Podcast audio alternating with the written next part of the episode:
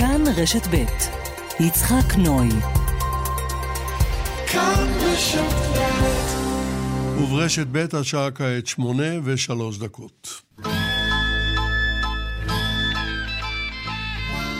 בזיכרון תפנה ימינה, סע ישר בכביש. היזהר, יש עצור בכניסה. יש אנשים שמחים בזיכרון, כל אחד מכיר אותי. בזיכרון יעקב שלי. זיכרון יעקב שלי, זיכרון יעקב, לא תמצא מקום כזה, כזה טוב. בזיכרון תפנה ימינה, אל תמשיך לחיפה, וסע לאט ברחוב הראשי. לפני 140 שנה החלו פוגרומים ביהודי רוסיה. הם גרמו זעזוע קשה ברחבי העולם היהודי. גם יהודי צרפת נזעקו לסיוע ולפעולות מחאה. ביניהם היה הברון אברהם בנימין אדמונד ג'יימס דה רוטשילד. יליד צרפת, הוא היה אז בן 36 בסך הכל, ואחד הבודדים שהאמין כי הפתרון למצוקת היהודים הוא עלייתם לארץ ישראל. לאחר פנייתו הנואשת ב-1882 של יוסף פיינברג, איש ראשון לציון, החל הברון לסייע להתיישבות היהודית החדשה בארץ ישראל. אין כל ספק שהסיוע הזה הציל את מפעל ההתיישבות בארץ, אבל היו בו גם צללים לא מעטים. נשתדל לשוחח הבוקר על האור ועל הצל, ככל שנספיק כמובן. לשידור קראנו הברון והמושבות והוא מתבסס במידה רבה על הספר פעמון סדוק, העוסק בשנותיה הראשונות של המושבה זיכרון יעקב. את השידור מביאים לאוזניכם יגאל בוטון וחדווה אלמוג, מנתבת את השידור ומפיקה דבורה סוויסה, אני יצחק נוי. נתחיל. זיכרון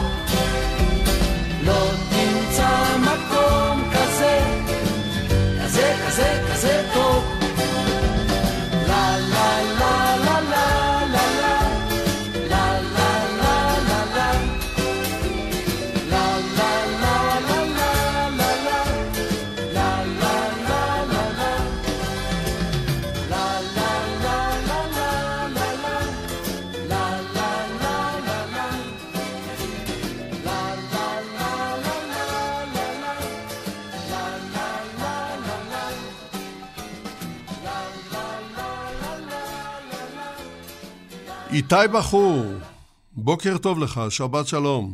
בוקר טוב. איתי בחור הוא סופר ומוציא לאור.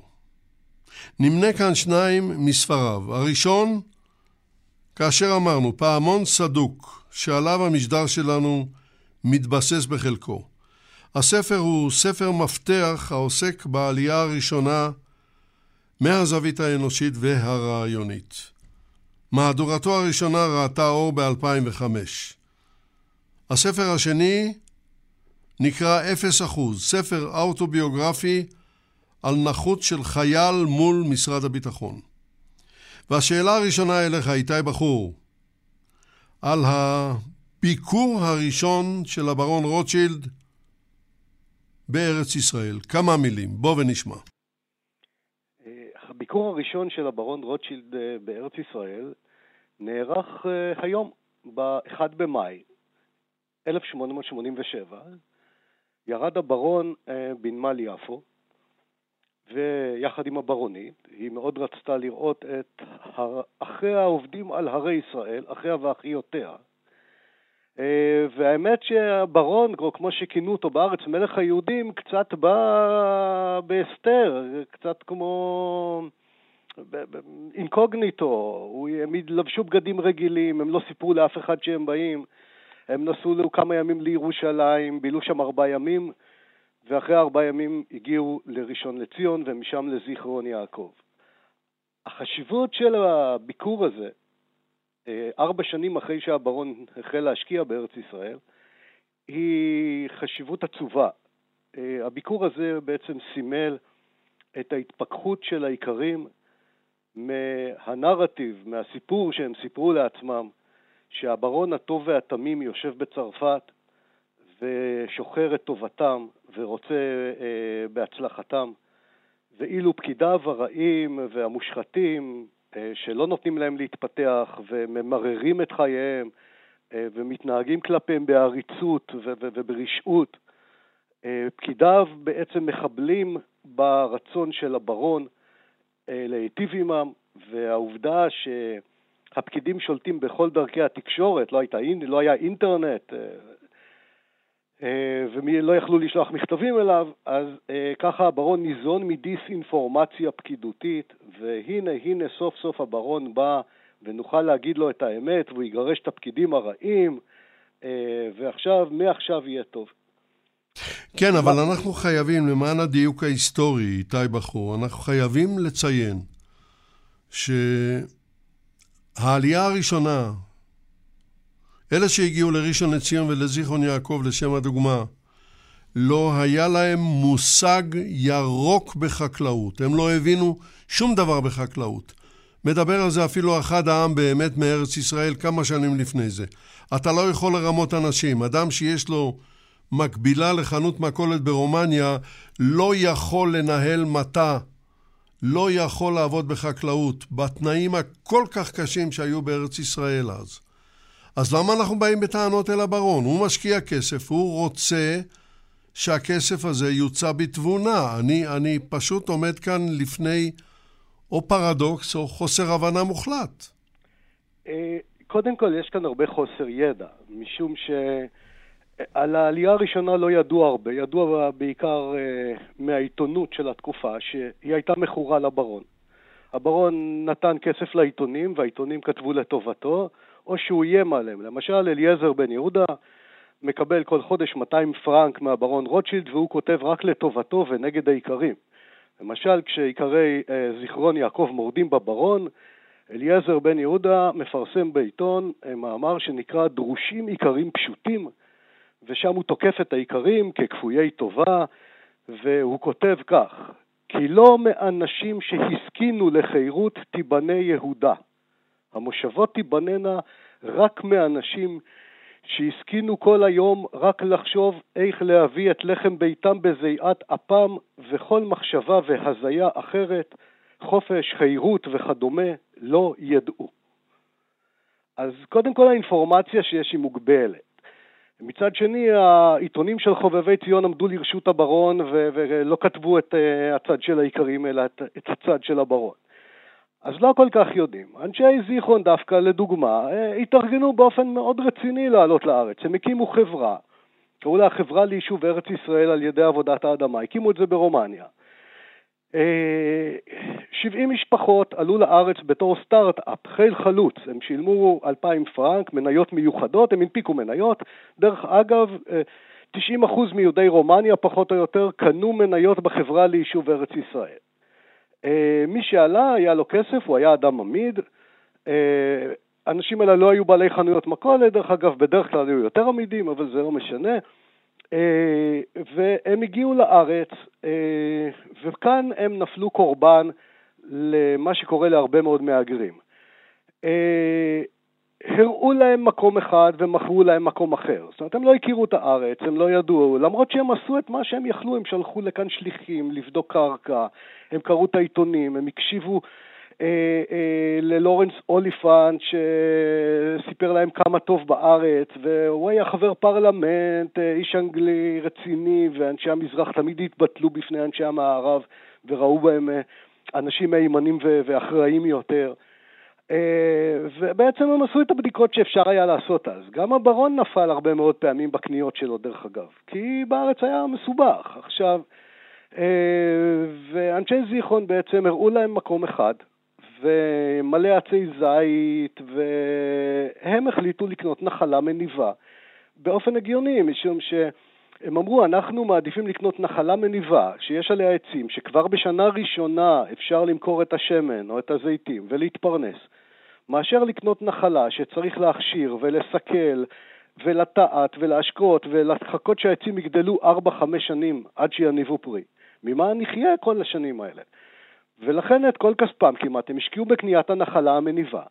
וכשהם הגיעו לזיכרון, להר הזה, שהם קראו לו שומרון, גם פה רימו אותם, למקום קראו זמרין, והמתווכים של אז סיפרו להם, סרסורי הקרקעות של אז, סיפרו להם שזמרין אה, אה, זה שיבוש של השם שומרון, ובעצם זמרין זה בכלל חלילנים, חלילי רועים, וזיכרון היא לא בשומרון, היא על רכס הכרמל. אבל, אה, ולכן הם קראו למושבה שומרון, ואפילו השיר הראשון שנכתב על זיכרון יעקב זה לא של אושיק לוי, כמו שהשמעת בהתחלה, שהוא שיר יפה, אלא שיר של נפתלי ארץ אימבר שנקרא מסע שומרון, על השם המושבה שומרון, ושם הוא כותב שאפסה תקווה וכסף וקול. ומסתבר שהם קנו אדמה טירשית, בלי עצים, בלי כלום, רימו אותם, עבדו עליהם. בסדר, אבל כל הדברים האלה מופיעים במאמרו של אחד העם אמת בארץ ישראל. אמת מארץ ישראל, נכון, צריך לקרוא אותו. המאמר של אחד העם הוא מאמר מאוד, אה, הייתי אומר, לטעמי מנוול, משום שהוא כתב אותו ב-1903. אחרי שהאיכרים סוף סוף הגיעו להסדר עם איקה והדברים התחילו להסתדר ואז הוא מטיח בהם כל מיני דברים איומים. בכלל חובבי ציון באופן שיטתי התנגדו לעיקרים, והמאמר הזה אין בו הרבה אמת, ולעומת זה יש בו הרבה שטנה ושנאה כלפי העיקרים. אה, וזה במידה רבה משום שהעיקרים הצטרפו לתנועה הציונית ולא רצו להיות אה, יותר אה, מזוהים עם חובבי ציון שבגדו בהם. טוב, אני, ו- אני ו- לא יודע מה, מה לומר לך, איתי. דעתי לא כדעתך. אוקיי, זה בסדר. אבל זה בסדר גמור. אנחנו בוא נעבור לעד הבא, יישאר איתנו על הקו. אני רוצה לעבור כעת לפרופסור צבי בנטוויץ'. אני מקווה שהקו לא יבגוד בנו, כי עד עכשיו הוא לא היה אמין. בוקר טוב לך, שבת שלום. בוקר טוב ושבת שלום. פרופסור בן טוויץ' הוא פרופסור אמריטוס לרפואה באוניברסיטה העברית בירושלים. הוא ראש המרכז אה, למחלות טרופיות ואיידס באוניברסיטת בן גוריון בנגב, ואחד מראשוני הלוחמים באיידס בישראל. הוא כתב עשרות מאמרים מדעיים בנושא, והשאלה הראשונה אליך היא הקשר האישי שלך לדוקטור הלל יופה, שהוא אחת מהדמויות המרכזיות של התקופה. בוא ונשמע. כן, אז קודם כל אה, צריך להתחיל מזה שאני נכד של הלל יופה. אימא שלי הייתה אה, בתו, ודמותו הייתה אה, מאוד משמעותית, כנראה גם מילדותי, הסבתא שלי, חיה הרבה שנים אחרי שהסבא מת, עשתה לי שטיפת מוח בתור ילד קטן ורציתי כבר להיות רופא בגיל תשע, אבל אני חושב שמה שיותר חשוב לציין זה שההערכה וההכרה של הדברים שהוא עשה גדלה בעצם עם השנים, אה, והייתי אומר התעצמה דווקא על רקע של הסיפור של האיידס. וכשראיתי הרבה אנלוגיות בין מה שאני עושה בסיפור של האיידס, לעומת מה שהוא עשה עם המלאריה, שללא ספק הייתה הדבר, ה, הייתי אומר, המרכזי מבחינת הרפואה ש, שהעסיקה אותו בחלק גדול משנותיו ב, ב, ב, בארץ.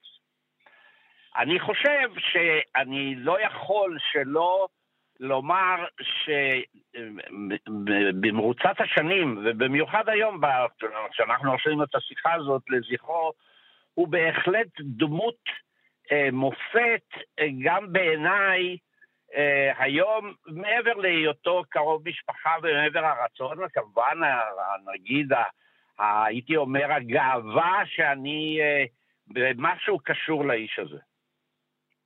כן, ללא ספק. אנחנו עוד נחזור ל...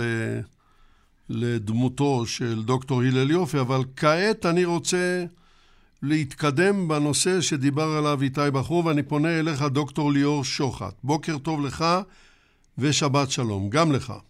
בוקר טוב ושבת שלום. דוקטור שוחט הוא פסיכולוג ארגוני, מומחה מדריך, שעובד שנים רבות בייעוץ ופיתוח ארגוני, ניהול אסטרטגי של משאבי אנוש. הוא מרצה באוניברסיטת חיפה ובמרכז הבינתחומי בהרצליה.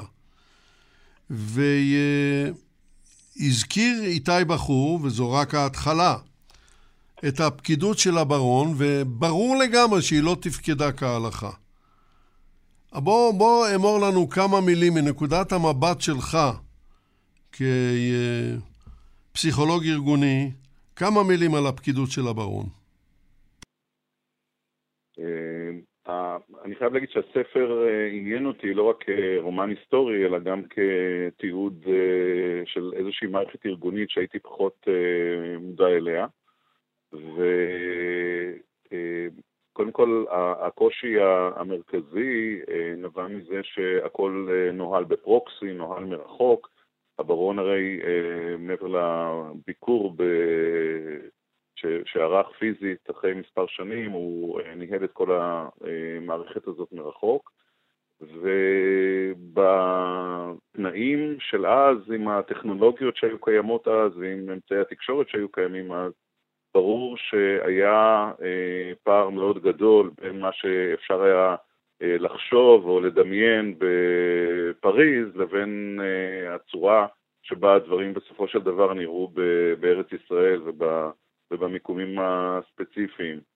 אה, לטעמי זה אולי אחד ההסברים לעובדה שבסופו של דבר הפקידות הזאת אה, צברה את הכוח שהיא צברה ויצרה את הבירוקרטיה הזאת שכמעט ראתה בה עיקרים אה, אויבים, או אריסים לפחות, ועבדים, והתייחסה אליהם בצורה מאוד, אה, מאוד קשה. ההתייחסות הייתה ממש התייחסות של אה, אמצעי ייצור, זה לא היה, אני לא חושב שאפילו אפשר לדבר על, על איזשהו יחס אה, אה, הומני. אבל אה, גם כשמסתכלים על, ה, בוא נגיד, על האלמנטים היותר, אה, היותר ארגוניים של העניין, ברור שהייתה פה אה, אי התאמה של המערכת הארגונית שנבנתה לטובת הניהול של האופרציה הזאת, אה, החל בחזון שיהיה מדובר פה במשק ריכוזי סגור, שהמפעלים עצמם יהיו הצרכן של התוצרת הבלעדית, אה, עבור לגידולים החקלאיים שנכפו על האיכרים בלי הרבה הבנה במה שהארץ יכולה לאפשר, ואני שם בצד כרגע את ה... את הכישורים והמיומנויות של העיקרים עצמם שהזכרתם אותם, ובצדק אה, מדובר באמת באנשים אה, עירוניים לכל דבר ועניין, שהגיעו בגיל, אה, לפעמים בגיל לא צעיר, לעסוק באדמה, זאת אומרת לעסוק בעיבוד אדמה, בעבודה חקלאית מאוד מאוד קשה, ואם אני מוסיף לזה את כל מה שאיתי אמר לגבי חוסר המוכנות של השטח, הטריטוריה והאתגרים שחיכו להם, אז גם, גם לחקלאים מנוסים כנראה זה היה יכול להיות אה, משימה לא פשוטה, אה, לא כל שכן לאנשים ש, שעשו שם את הצעדים הראשונים שלהם. אז כך שהסיפור אה, הזה, היה פה מודל עסקי לא, לא, לא נכון ולא מתאים, ו, ויכול להיות שהברון עוד איכשהו דמיין הסעה של רווחים, ו, ו, או לפחות איזושהי, אה, איזשהו משק אוטרקי כזה ש, ש, שמחזיק את עצמו, אבל בפועל אה, כל המערכת הזאת דיממה ו, ו, וחייבה כל הזמן השקעה, ולכן הגירעונות של המושבות עלו כל הזמן, ו, והיה צריך כל הזמן להזרים, להזרים לשם כסף. וזה כמובן מבלי שעוד התחלנו לדבר על, ה, על, ה, על הפקידות הבירוקרטית והמסואבת, שמן הסתם אה, הכניסה גם חלק מה, מהתקציבים האלו ל, ל, ל, לכיסים. טוב, אנחנו נגיע, אנחנו נגיע אל הפקידות הזאת. אני רק רוצה לומר, שוב, אני מוצא עצמי סנגורו של הברון רוטשילד. אני רוצה לומר שעל פי ספרי ההיסטוריה, ומיד נפנה אל איתי בחור ונשמע, הברון רוטשילד, כשהוא מתחיל לעזור, ולזיכרון יעקב הוא מתחיל לעזור ב-1884.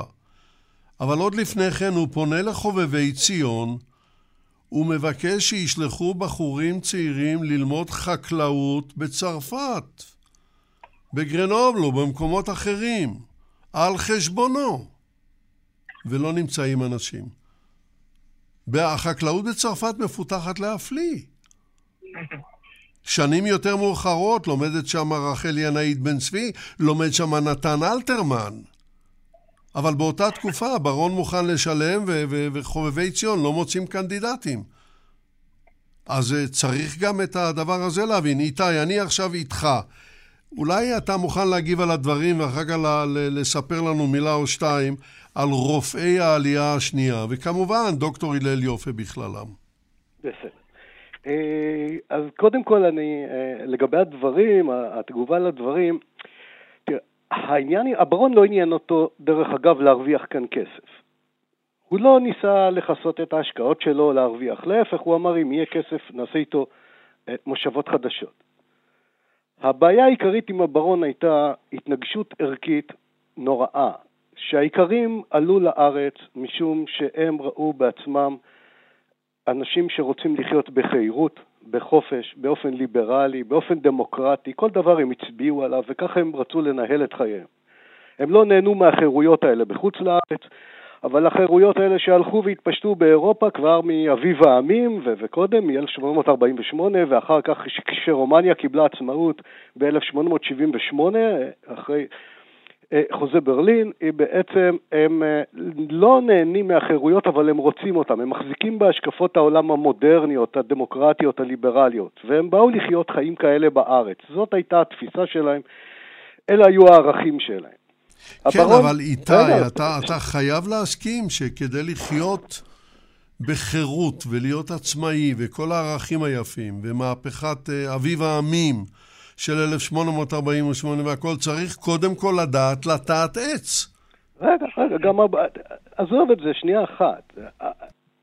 בוא, בוא, בוא נתקדם רגע עם ההתנגשות הזאת שאני רוצה לדבר עליה. בבקשה. הברון גם רצה את יישוב הארץ.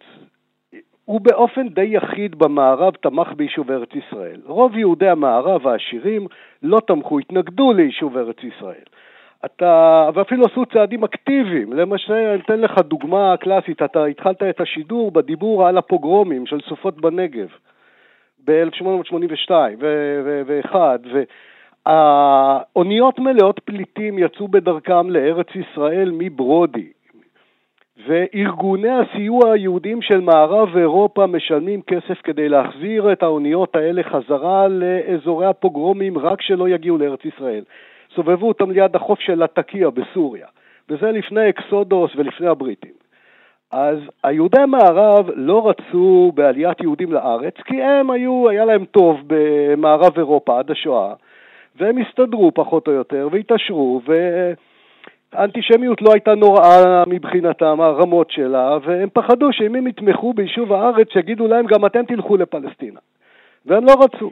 והברון הוא עומד באופן יחיד כמעט נגד המיליה שלו, נגד הקולגות שלו, נגד בני החוג העשיר שלו, ותומך ביישוב ארץ ישראל. אז הם תמכו ביישוב הארץ והוא תמך ביישוב הארץ, גם האיכרים וגם הברון, אבל הברון לא רצה אנשים חופשיים. הברון ראה את המודל האריסטוקרטי של אריסים, גבול העבדים בעצם, שלא אה, יהיה להם שאיפות ומחשבות, כמו שבן יהודה אמר, שיעבדו, שיחיו אה, באופן פשוט, שלא ילמדו כמעט, שילבשו ג'לביות ויאכלו חומוס. והוא ניסה לכפות עליהם את השיטות העריצ... העריצות של אריסים, והוא אפילו חש נפגע כשהם התנגדו לו ומרדו בו, כי הוא אמר, אני נותן לאריסים שלי את התנאים הכי טובים, יש להם בית ספר, יש להם מים זורמים בכל בית, יש להם בית חולים, הגענו לרופאים, יש להם רופא. דוקטור הלל יופי עוד לפניו היה עוד איזה רופא. הוא, הוא, הוא, הוא, הוא בעצם אומר, מה, מה, הם, מה הם אה, מתקוממים? איזה אריסים באירופה יש להם כאלה תנאים טובים? ואילו האיכרים לא ראו בעצמם אריסים לרגע אחד. אתה יודע, עשרים שנה אחר כך, ב-1901, כשיקה מנסה לגרש את האיכרים מהארץ ולחסל את היישוב במסווה של תוכנית הבראה, התנועה הציונית והאיכרים שולחים משלחת לברון. ב-1901, הברון מסרב לראות את אנשי התנועה הציונית, נציגי התנועה הציונית, שלנוב, ברנשטיין כהן ואחרים, הוא מסרב אה, לפגוש אותם יחד עם האיכרים, כי הם אנשים חופשיים, ואילו האיכרים אריסים בעיניו. אבל הוא מסלק את ייקה, אבל הוא מסלק את ייקה מהמושבות שלו. ב-1901. לא, ב-1901 הוא מעביר את המושבות לאיקה. וב-1924, רק אחרי התקופה... מסלק אותם ומקים את פיקה. רק אחרי, אחרי 24 שנה. ואל תשכח שהוא גם היה נשיא, הוא, הוא היה לו, היה נשיא כבוד של ליקה, הוא היה מעורב בעיקר. אולי הם. יצחק, אני רוצה להתערב בשיח הזה. בבקשה, תתערב, פרופסור אה, בנטוויץ'. זה, זה מעניין, מעניין איך שומעים, אה, הלוא אני ניזון ממה שאני שמעתי ומה שהספר של אה, מתאר את הלל יופה. הלל יופה הוא כנראה באיזה, באיזה נקודת אמצע, ו, וזה מאוד חשוב לומר כמה דברים בעניין הזה. קודם כל, הוא מייצג את הציונות הצעירה במיטבה. תחשבו על זה, איש בן 26, שיש לו קריירה מובטחת בג'נבה ואחר כך בפריז, רואים שאיש מאוד מוכשר, מציעים לו להישאר שם, והוא קם והולך לארץ ישראל, לשממה של ארץ ישראל, אין מה לדבר שאין אה, שום מוסדות רפואיים שראויים, והוא בא באמת בתור אה, הציוני הדבק במטרתו. ואם אני מדלג, הוא הגיע ב-1891, ובעצם הקשרים שלו עם הברון זה מ-1893. הוא, הוא, אני מסתכל עליו... אתה מתכוון 1800. 1893, סליחה. אה, אה, הוא משמש איזה מין דמות אמצע בין אה, מה ששמענו, שאני בטוח איתי מתאר דברים נכונים, אבל הוא ממשיך להיות מצד אחד מועסק על ידי הברון, ומצד שני תפקידו ב, ב, ביישוב, קודם כל הוא בזיכרון יעקב מ-1893, כפי שאמרתי, עד 1897, ובשנים האלה הוא גם מטפל בחדרה. תכף נחזור לזה אם יהיה לנו טיפה זמן. ובגדול, בתקופה שמ-1897 עד 1905 הוא משמש יושב ראש ועד חובבי ציון, זה כמו להיות ראש הממשלה הזמנית, אם אתם רוצים, בארץ ישראל של אז, והוא איזה מין גשר. מפני שמה שאני יודע, הוא פוגש את הברון יותר מאשר פעם אחת, ומשמש גם מצד אחד נציגו ורואה את השחיתות, את הסיאוב של, ה, של הפקידות, וגם את הפרובלמטיקה של המתיישבים. אני רק רוצה לתת דוגמה אחת, הברון מגיע לבקר בזיכרון, וכולם לובשים מחלצות, ויש, והוא הולך ומסתובב במקום והכל מקושט ויפה, והוא אומר, איפה האיכרים שעובדים? ואז יש איזה איכר אחד שנשאר ועובד את הקרן, זה דרך אגב סבא של ישראל שכטר, פרופסור ישראל שכטר, והוא עובד שם בכרם והוא קורא לו, והוא אומר, למה לא באת לקבל את פניי? הוא אומר, הברון, צריך מישהו לעבוד. אז הסיפור הזה מייצג גם את הפרובלמטיקה גם של המתיישבים. אז כלומר, בוא, בוא אתה... תמתין רגע על הקו, פרופסור בנטוויץ', אני רוצה לחזור לאיתי בחור כדי שישלים את הסיפור על רופאי בסדר. העלייה השנייה. אתה, הראשונה, סליחה. אתה הלוא גם אה, הוצאת שני ספרים חשובים על הרפואה הארצי-ישראלית של אז, וערכת ועשית הרבה דברים. בואו נשמע על רופאי העלייה הראשונה. רופאי העלייה הראשונה הם אנשים מרתקים. כמו שפרופסור אה, בנטוויץ' אמר, הם אה, היו ציונים, הם היו רופאים טובים, הייתה להם עבודה באירופה, הם לא היו חייבים לבוא לארץ ישראל, והם באו לכאן אה, משום שזה היה חשוב להם, משום שהם היו ציונים, משום שהם הזדהו עם המטרות של ההתיישבות.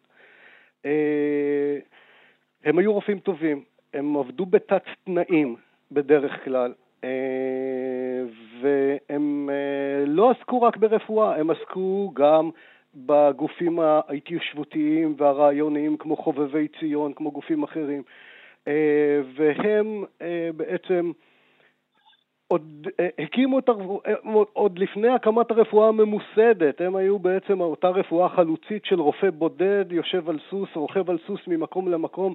הנה דוקטור הלל יופק כמו, עוזב אה, לתקופה קצרה את זיכרון ועובר לגור בחדרה כי יש שם תמותה נוראה מהמלאריה, כי מכרו להם את הביצות של חדרה בתור אגמים לגידול דגים. והוא יושב שם עם אישה ותינוק בן חצי שנה בחדרה, שיש שם מוכת המלאריה. ועוזר להם ו- ומראה להם שאפשר לשבת ולחיות שם. אז הרופאים האלה עמדו במצב מאוד קשה. מצד אחד הם קיבלו משכורת מהברון, אז הם היו שייכים לסגל הפקידות, האיכרים חשדו בהם. מה פתאום אתם אומרים שאתם לטובתנו אם אתם שייכים לסגל הפקידות? לעומת זה משום שהם הזדהו עם המטרות הרעיוניות, החופשיות, הדמוקרטיות, הציוניות של האיכרים, אז הפקידים ראו בהם בוגדים, ואתם הרי משלנו, אז למה אתם בעד העיקרים? אני אתן לך דוגמה לרופא עלייה ראשונה אחר מאוד חשוב, דוקטור נפתלי וייץ. כשאיקה, דיברת על איקה, אז איקה מנסה ככה לחסל את היישוב, כמו שאמרתי, במסווה של תוכנית הבראה, הם פונים לאיזה רופא שהיה, וביקשו ממנו שיכין להם רשימת סלקציה של איכרים לגירוש מהמושבה. הם אומרים שיסמן להם את כל העיקרים מהרופא, כן, החולים, הזקנים, החלשים והעצלים. ודוקטור, והרופא בורח, הוא עושה את זה, והוא בורח מהמושבה. ודוקטור נפתלי וייץ מיד מגיע אחריו, לוקח את הרשימה הזאת, כי הם מבקשים שיתקף אותה, והפקידים, והוא לוקח את הרשימה וכותב עליה אה, שהוא לא יכול לעזור להם, משום שהזקנים כשהם באו לארץ ישראל היו צעירים, והחולים היו בריאים, והחלשים היו חזקים, והעצלים, הוא כתב, העצלים לא באו לארץ, הם נשארו בגולה. כן, כן. כן. בואו, אה, בואו נעבור, אני, אני עובר כעת אליך, דוקטור שוחט. מי היו, אנחנו שומעים על, ה, על האנשים האלה בדמו, כדמויות של מפלצות, מי היו הפקידים האלה ולמה שנאו אותם כל כך בראשון לציון, בזיכרון יעקב, בפתח תקווה, למה שנאו אותם? אני חושב שהם היו אנשים שפשוט אה, לא התאימו למשימה שהוטלה עליהם. אה, הם, הם היו בסופו של דבר אה, אה, שליחים ו, ועובדים. אה, הם לא אלו שבאו אה, לייצר את החזון או, את ה, או לחיות את האידיאל בארץ ישראל. ואני רוצה להפריד את התשובה שלי לשני, לשני דברים. קודם כל, היה קושי אובייקטיבי, לא מבוטל, אה, של ניהול הקולוניות האלו אה, מרחוק, אה, ש, שלא צריך להתכחש לזה. זאת אומרת, המשימה שלהם מראש הייתה משימה מאוד מאוד קשה, גם בגלל שהניסיון שהם הגיעו איתו מאירופה או מקולוניות אחרות, הוא, הוא לא היה רלוונטי בכלל למציאות בארץ ישראל.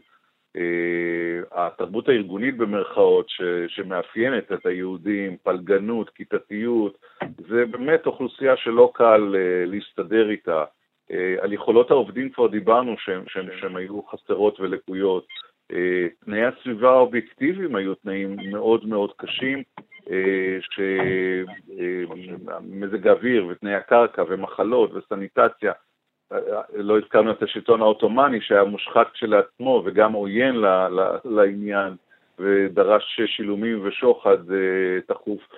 וגם החבר'ה בסביבה, התושבים הערבים, ממש לא קיבלו את האנשים האלו בזרועות פתוחות, הם היו עוינים אה, לא פחות, ועוד איתי הגדיל והסביר את האינטרסים הסותרים בין יהודי הגולה ויהודי ארץ ישראל. אז הייתה פה מערכת מורכבת ביותר, שאני לא רוצה להגיד שהיה בלתי אפשרי לנהל אותה, אבל היה אה, מאוד מאוד קשה, ואני חושב ששום דבר שהם הביאו איתם לא הכין אותם למשימה הזאת, כך שאני, זה, זה כאילו בצד האובייקטיבי הארגוני.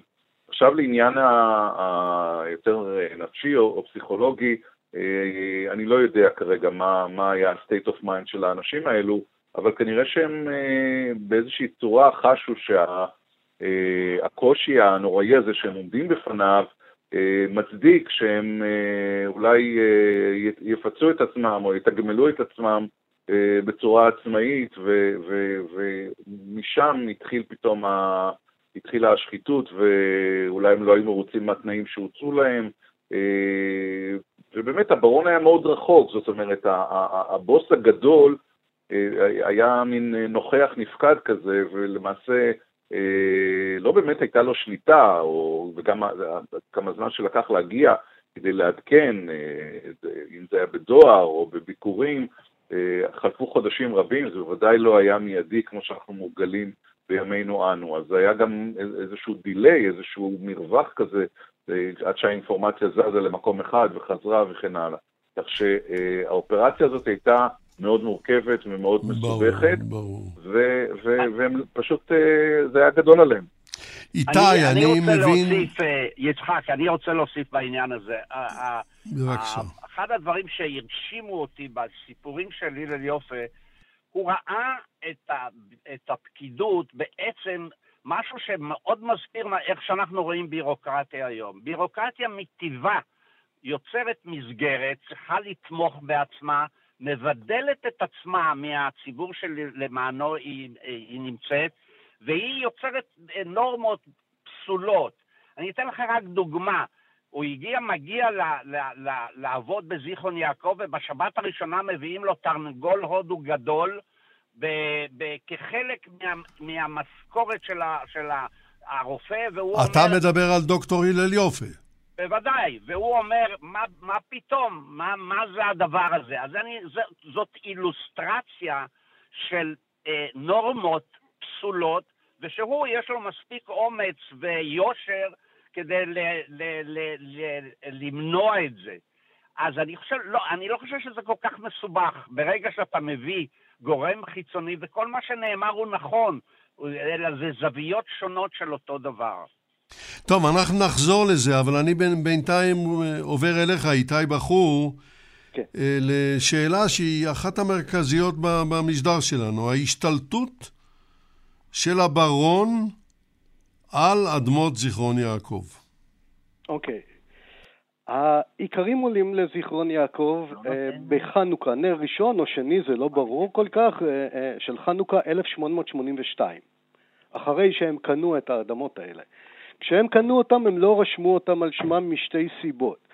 סיבה אחת הייתה שחלק גדול מהם לא היה להם אישור לקנות אדמות בארץ ישראל, לא הייתה להם נתינות עות'מאנית או מערב אירופאית. אה, והסיבה השנייה הייתה שעוד לא עשו לאדמה פרצלציה, עוד לא חילקו אותה לחלקות, והייתה אה, אפילו עוד סיבה שהם לא יכלו בעבודת יחידים להתמודד עם הקשיים ולכן הם הקימו קומונה. היו שלוש קומונות בתולדות זיכרון, זאת הייתה הראשונה, אה, והאדמות נרשמו על שם אחד מחברי הדירקטוריון של החברה ליישוב ארץ ישראל שהם הקימו ברומניה.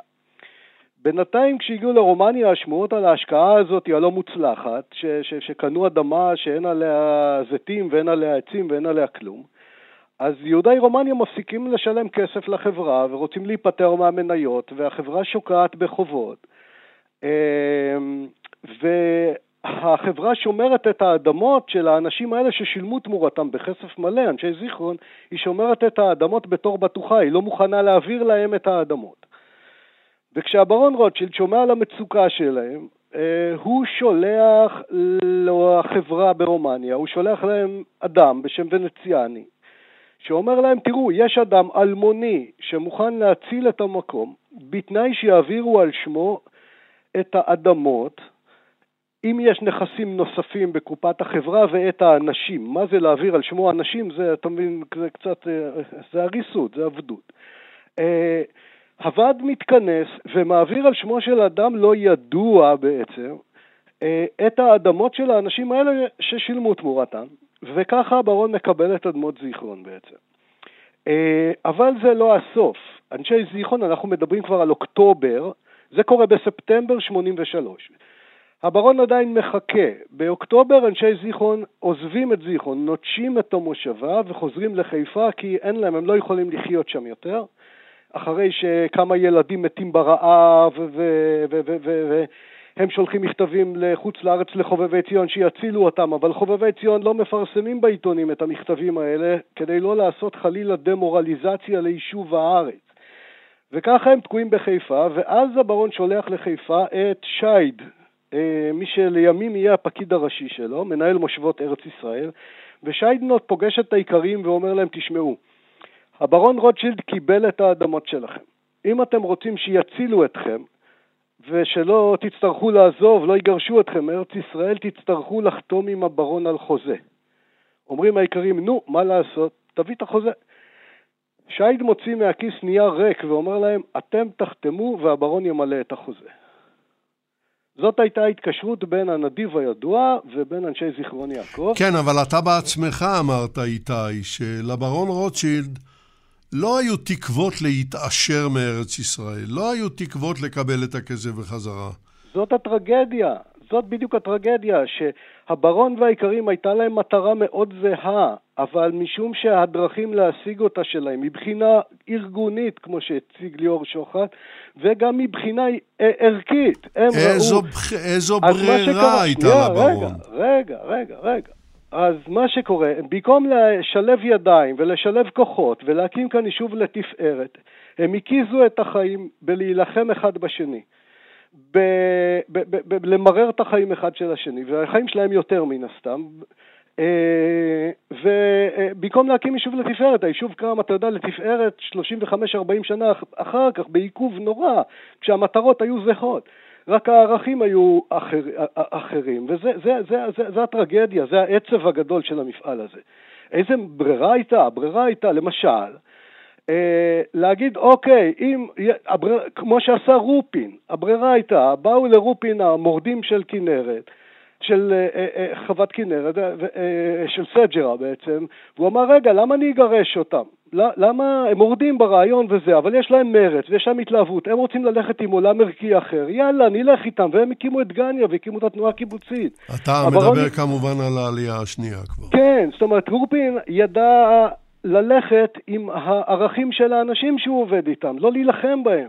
פרופסור בנטוויץ' הזכיר קודם את העניין הזה עם הבגדים היפים והכל, גם זה היה ניגוד ערכי מאוד גדול. אבל אה, הסביר דוקטור ליאור שוחט, אה, ארתור רופין ישב או ביפו או בירושלים, והברון רוטשילד ישב בפריז. אה, צודק ליאור שוחט, מאוד. עכשיו, יותר מזה, גם הברון, דרך אגב, חלק מהמנגנון הפקידותי, אני רוצה להוסיף עוד נקודה אחת, לא יכול היה להצליח כאן, כי הברון היה כל כך צנטרליסט, שהוא לא חיפש פקידים טובים ויצירתיים, הוא חיפש כאלה שיהיו יסמנים, והם הלשינו לו אחד על השני, הייתה מערכת של הלשנות, גם זה שיתק את המפעל.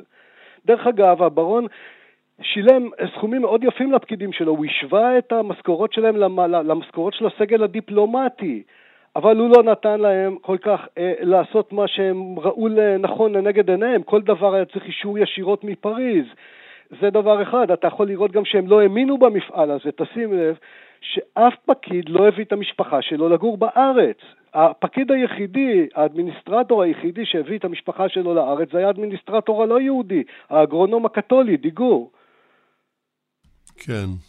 טוב, אה, אני רוצה, אנחנו חייבים לעבור לנושא מאוד חשוב שמשתלב בסיפור, והוא פרשת ארגון נילי.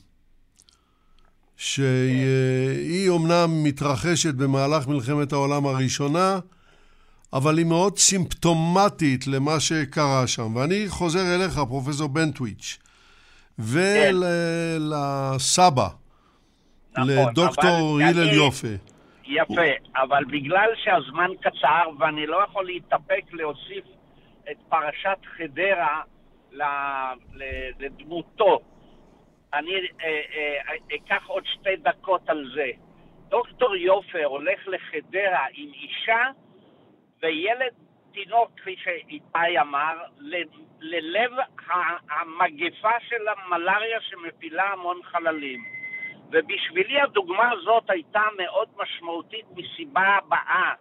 הוא עושה את זה לא בתור הקרבה של אה, בן אדם שכמו ישו שם את נפשו בכפו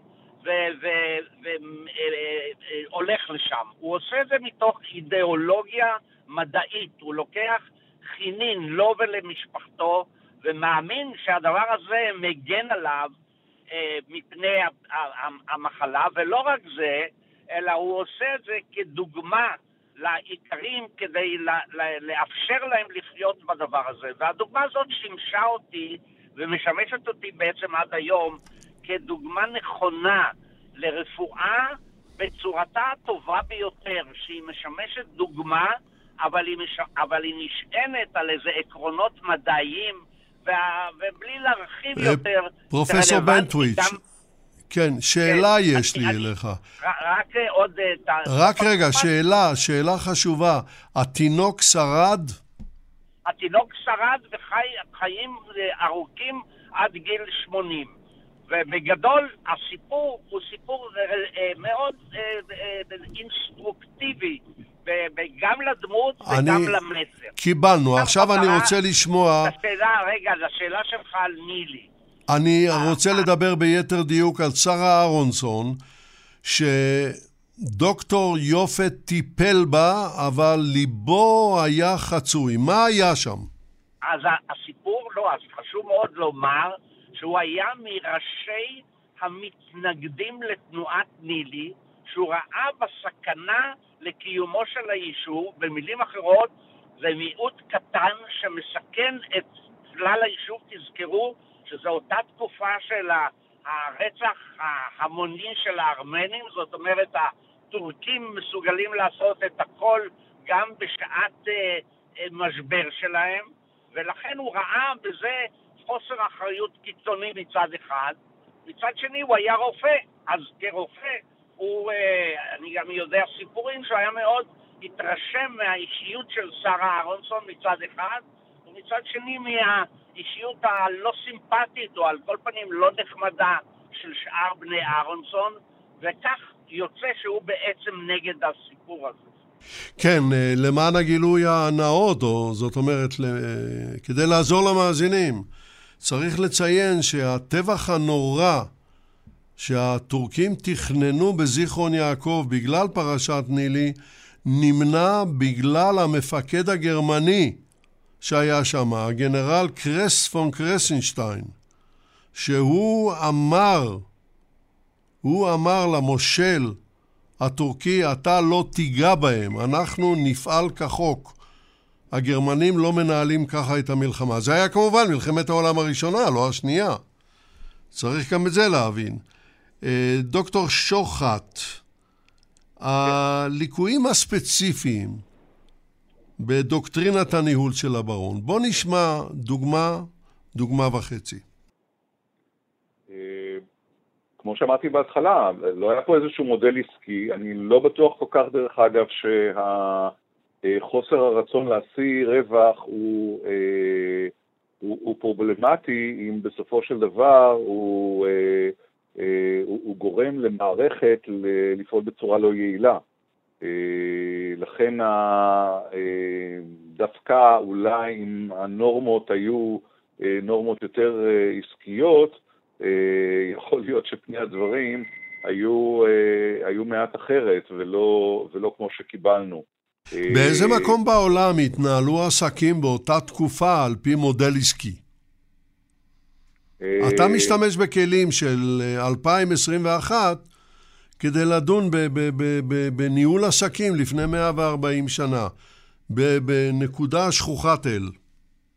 אני, אני, אני מסכים איתך שההסתכלות, אה, בוא נגיד הארגונית, היותר מושכלת, התחילה להתפתח אה, קרוב לוודאי בשנים לאחר מכן, אה, בזכות המפעלים התעשייתיים הגדולים הראשונים שהופיעו בארצות הברית, כמו ג'נרל מוטורס ואחרים, ושם היה אלפרד פי סלון, שהיה אה, לא רק מנהל, אלא היה גם איש הגות.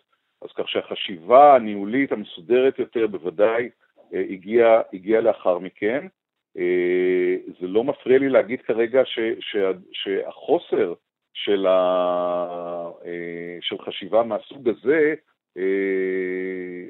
עלול היה להפריע, לצד העובדה ש... כל החבורה הזאת לא הייתה מסונקרנת על, על, על, אה, על אותם אה, ערכים ועל אותם אה, אינטרסים. ו, ולא היה צריך להיות פה מנהל גדול כדי להבין מה, מה בעצם מניע כל אחת מהקבוצות. אז, אז יכול להיות שהברון גם באזור הזה, היותר ערכי ונורמטיבי, יכול היה לעשות את הדברים מעט אחרת, או להבין יותר נכון את, ה, את האינטרסים של הפקידות, או להבין בעצם את הגולם הזה שהוא יצר. ולאו דווקא להכיל אה, באמת את הסטנדרטים שאנחנו מכירים היום. אז בוא נעבור עכשיו בחזרה אליך, איתי בחור. מתי מתחיל ואיך מתחיל השחרור של עיקרי המושבה מהברון רוטשילד? אה, באלף, כמו שהזכרת, ב-1924 ברון מקים את חברת פיקה ומעביר לידיה את המושבות שעד אז היו בידי ייקה, והמטרה של פיקה היא בעצם למכור סוף סוף את המושבות לאיכרים. אז תן לי רק לעזור למאזינים. ייקה זה Jewish Colonial Association.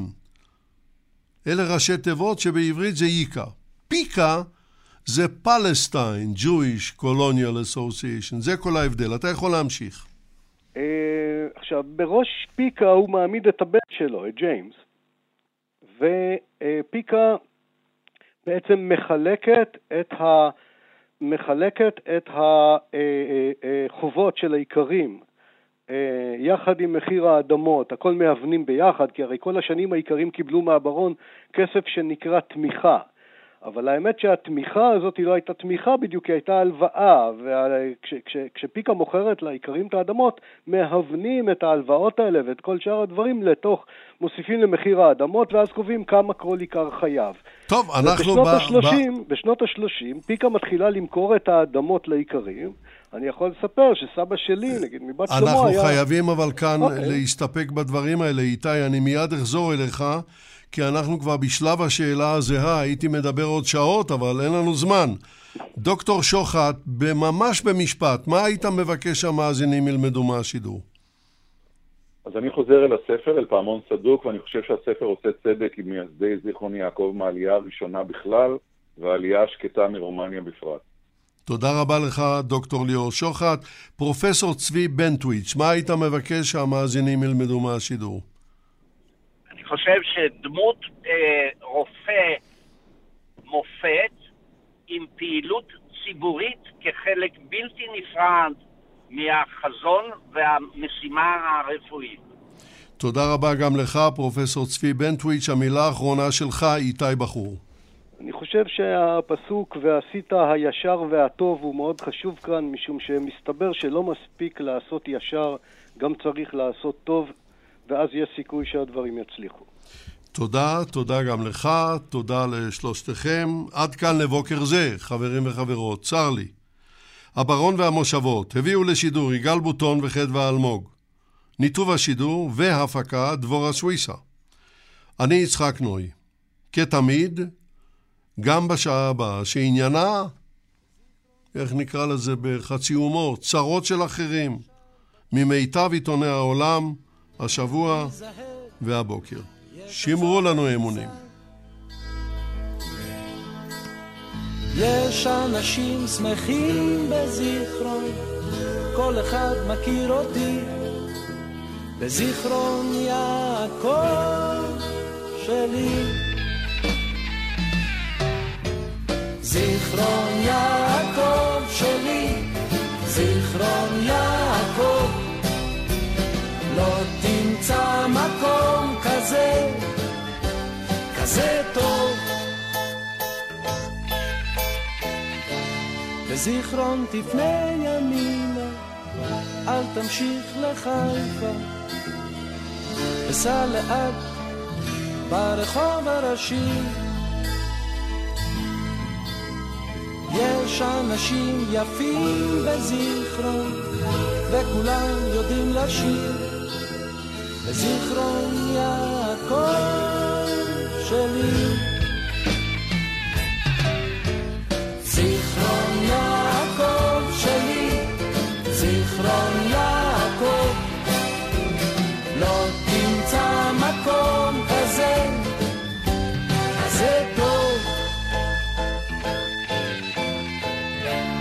לזיכרון אנשים שמחים בלילה וביום. בזיכרון אף אחד לא הולך לישון בחום. יש בקבוקים ריקים בזיכרון, וכולם שותים הכל. בזיכרון יעקב שלי. זיכרון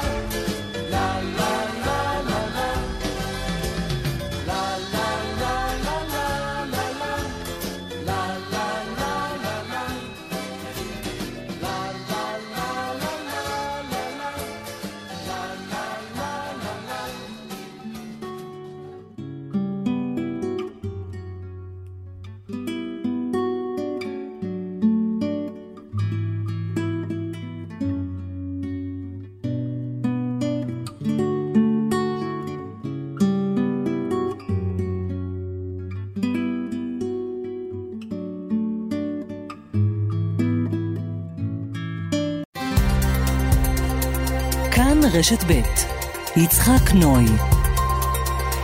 כאן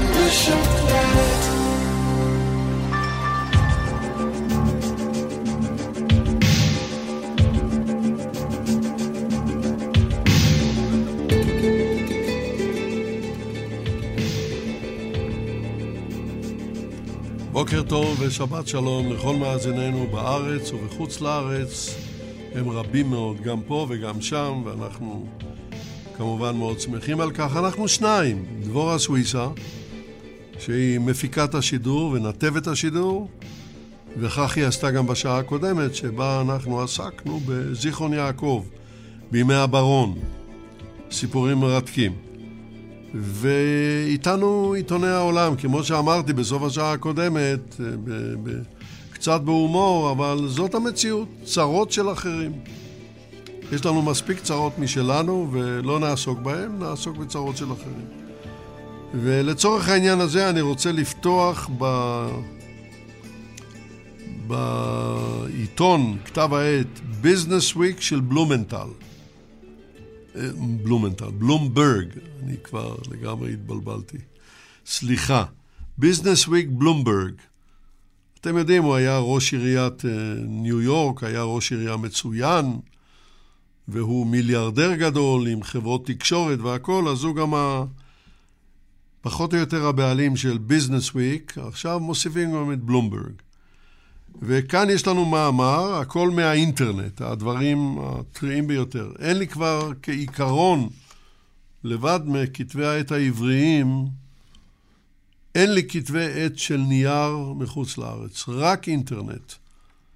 ולכן אנחנו מקבלים את הדברים הטריים ביותר. ומאזינים מבקשים לדעת, למצוא, צריך לדעת למצוא באינטרנט, זה לא מסובך, זה ממש פשוט, אבל צריך לדעת לעשות את זה. כאן אני מדבר על מאמרה של לורה בליס, מיום חמישי השבוע. כותרתו, דרום קליפורניה עומדת בפני בצורת, אבל יש לה יותר מים משהיו לה אי פעם. ומבהירה כותרת המשנה, שנות בצורת קודמות הביאו את המתכננים בלוס אנג'לס, רבתי, לוס אנג'לס הגדולה, מה שנקרא, כן? לבניית מאגרי מים להבטחת העתיד. ואולם, סכנות המחסור עדיין נמשכות. למאמר נוסף צילום המראה את אגם עמק היהלום, כך הוא נקרא, אגם עמק היהלום, בקרבת העיירה המת. זהו מאגר מים ענקי, שנבנה על ידי רשות המים המטרופוליטנית של דרום קליפורניה. תכולתו 260 מיליארד גלונים של מים, או אם תרצו 840 מיליארד ליטר. ובכן, מושל קליפורניה, קרווין אה, ניוסם, אמר בשבוע שעבר בהודעה לעיתונות, תנאי הבצורת הם כאן. לאמור, יש עכשיו כבר בצורת, אין מה לעשות. שינויי האקלים מוסיפים להם, וזה הופך את המצב לחמור הרבה יותר. הוא אמר זאת על רקע התייבשותו המהירה של אגם מנדוסינו. אנחנו רואים את הצילום, זה, זה מחריד לראות איך האגם הזה הולך ונעלם, לנגד העיניים. ואולם האמת היא שאספקת המים בקליפורניה משתנה מאזור לאזור. זו לא מדינה קטנה.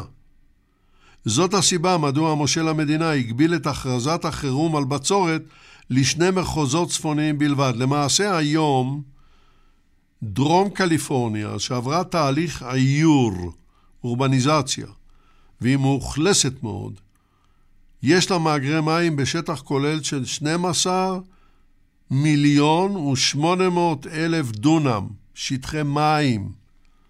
די והותר כדי להרוות את סימון האוכלוסייה השנה ובשנה הבאה. זאת הודות למדיניות של סגירת אה, מאגרי מים מבוזבזים, אגירת מים וחינוך התושבים לחסוך במים. ברד קופי המנהל את מאגרי המים המטרופוליטניים, שהוא הקואופרטיב האחראי על חלוקת המים במחצית ממדינת קליפורניה הענקית, היא עצומת ממדים קליפורניה, היא יותר גדולה בשטח מיפן, והיא עושה זאת דרך 26 חברות מים בדרום קליפורניה. וזה שולט על... על מעגלי הבצורת במדינה. הקופי מצטט את הסופר איש קליפורניה ג'ון סטיינבק, שכתב פעם, זה קורה כל פעם מחדש, שבשנות הבצורת אנשים שוכחים שהיו שנים רוויות בגשמים. ובמהלך השנים ספוגות המים, הבריות שוכחים כי היו פעם שנות בצורת. תפקידנו, אומר פריד, פרד אה, קופי, הוא לא לשכוח את שנות הבצורת ולהתכונן בהתאם. ובכן, מאז תחילת שנות האלפיים, דרום קליפורניה השקיעה למעלה ממיליארד דולר במאגרי מים חדשים, כולל המאגר בעמק היהלום, המכיל כאמור קרוב לטריליון ליטר מים, וכן בצינור מים באורך של למעלה מ-70 קילומטר, צינור ענקי, שיותר ממכפיל את חלוקת המים באזור. לזה יש להוסיף גם מאגרי מים תת-קרקעיים. שנת 2017 למשל הייתה שנה ברוכה מאין כמוה. ירדו באותו החורף כ-2,500 מילימטר גשמים. אתם מבינים מה זה 2,500 מילימטר בהרי הסיירה נבדה, והם הביאו להכרזה הרשמית על קץ הבצורת. ב-2019 הייתה פריחת פרחים כל כך חזקה באזור, שתיירים מכל ארצות הברית ומכל העולם באו כדי לראות אותה. בצילום הנלווה למאמר אנחנו רואים את הפריחה העצומה, היא נקראת סופר בלום. באנגלית אה, זה, זה נקרא סופר בלום, וה... צילום הוא בקרבת אגם אלסינורה, במרס 2019. הפריחה היא צהובה בעיקרה, והמון מבקרים מטיילים שם בשבילים ומחוץ לשבילים. השנה הצטברות השלג בערי הסיירה נבדה היא 40 אחוזים מתחת לממוצע. חלוקת המים ירדה לחמישה אחוזים מן הדרישה, זאת שנת בצורת, השנה השנייה ברציפות. אבל הפעם קליפורניה יותר מוכנה. בנאומו השבוע מושל המדינה הילל את תושבי קליפורניה על כך שצריכת המים שלהם ירדה ב-16% מאז 2013. דרום קליפורניה הפכה כעת למנהיגת המדינה בנושא. לוס אנג'לס משתמשת היום בהרבה הרבה פחות מים משהשתמשה בהם בשנות ה-70 של המאה שעברה, למרות שנוספו לה מאז מיליון תושבים. החינוך בטלוויזיה, ברדיו, עזר. איסור המדשאות הועיל. בשל חוקי עזר עירוניים הושמדו בקליפורניה מאז 2009 חמישה מיליון ומאתיים אלף מטרים רבועים של מדשאות. אתם תופסים מה זה? שטיפת מדרכות במים נאסרה. תנסה לשטוף את המדרכה אצלך בחצר, תחטוף אותה. השקעה במתזים נאסרה. אפילו בחזית המקדש המורמוני בווסטווד החלה הקצאת מים חמורה ביותר וקיצוץ מדשאות. הייתי בשבוע שעבר בחיפה, ראיתי את המקדש הבהאי. אין דברים כאלה, עדיין אין. אני מקווה שגם לא יהיה. במילים אחרות, ארץ בריכות השחייה והדשאים, השופעים, נעלמה ואיננה. תשכחו מזה. מדינת קליפורניה משקיעה גם סכומי עתק במחזור מים, בהתפלת מי ים ובסגירת מי גשמים. אוגרים אותם. הכל הם עושים. ועדיין יש לדרום קליפורניה תדמית של בזבזנית מים. צריכת המים בלוס אנג'לס לאדם ליום עמדה על 424 ליטר ליממה. בסן פרנסיסקו היא הייתה 288 ליטר. מפני שצריכת המים של האוכלוסייה הגדלה עולה על מקורות המים הטבעיים, לוס אנג'לס בנויה על יבוא מים כבד מהרי הסיירה נבדה ומנהר הקולורדו, על פי הסכמים מתחילת המאה ה-20. ואולם, מאגרי המים שנבנו באחרונה באזור לוס אנג'לס הם ללא תקדים. בצפון קליפורניה לא עשו דברים כאלה כי הם לא היו תחת לחץ שכזה, כמו בדרום. אמרנו, המדינה היא עצומת ממדים. ואולם אפילו בצפון יש קהילות רבות שעד כה היו בנויות בעיקר על הגשמים שיבואו בעיתם, וכעת נאלצות לקבל מקורות מים פדרליים. בצפון נאלצים לקצץ בעשרה אחוזים את המים לפארקים ולגנים הציבוריים. בחוות החקלאיות יש בעיות, גם הן בצרה גדולה, בעניין חלוקת המים. בקיצור, אפילו גן העדן הזה, שנקרא קליפורניה, זקוק היום לחוני המעגל. עד כדי כך. עד כדי כך. בואו נעבור ל-Wired. מאמרו של וויל נייט מיום חמישי. הרובוטים החכמים של חברת פורד מגבירים את קצב הייצור. ובכותרת המשנה נאמר, בית חרושת לתמסורת מנועים. גיר, מוכיח כיצד אינטליגנציה מלאכותית חודרת בהדרגה לתהליכים התעשייתיים. ובמאמר, ובכן, בשנת 1913 הנרי פורד הביא למהפכה בייצור מכוניות כשהביא לקו הייצור הראשון. חידוש שהגביר מאוד וייעל את ייצור המכוניות. יותר ממאה שנה אחר כך, אותה חברה, חברת פורד, אותה חברה בדיוק, משתמשת באינטליגנציה מלאכותית על מנת לשוב ולייעל את קווי הייצור. כאן המאמר מעביר אותנו לבית החרושת לתמסורת מנועים בליבוניה שבמישיגן. בית החרושת שבו אינטליגנציה מלאכותית מנחה את הרובוטים איך להתקין את תיבות הממסרים ביעילות מרבית. חברת פורד משתמשת בטכנולוגיה שפותחה על ידי חברת ההזנק, הסטארט-אפ, סימביו רובוטיקס. הטכנולוגיה החדשנית הזאת לומדת את מאות הפעמים האחרונות שבהם רובוטים התקינו ממסרים, התקינו גירים למכוניות, ומחשב מנתח ומציע את תנועת הרובוט היעילות, תנועות הרובוט היעילות והחסכניות ביותר. כך, אגב, גם עושות חברת טויוטה וחברת ניסן.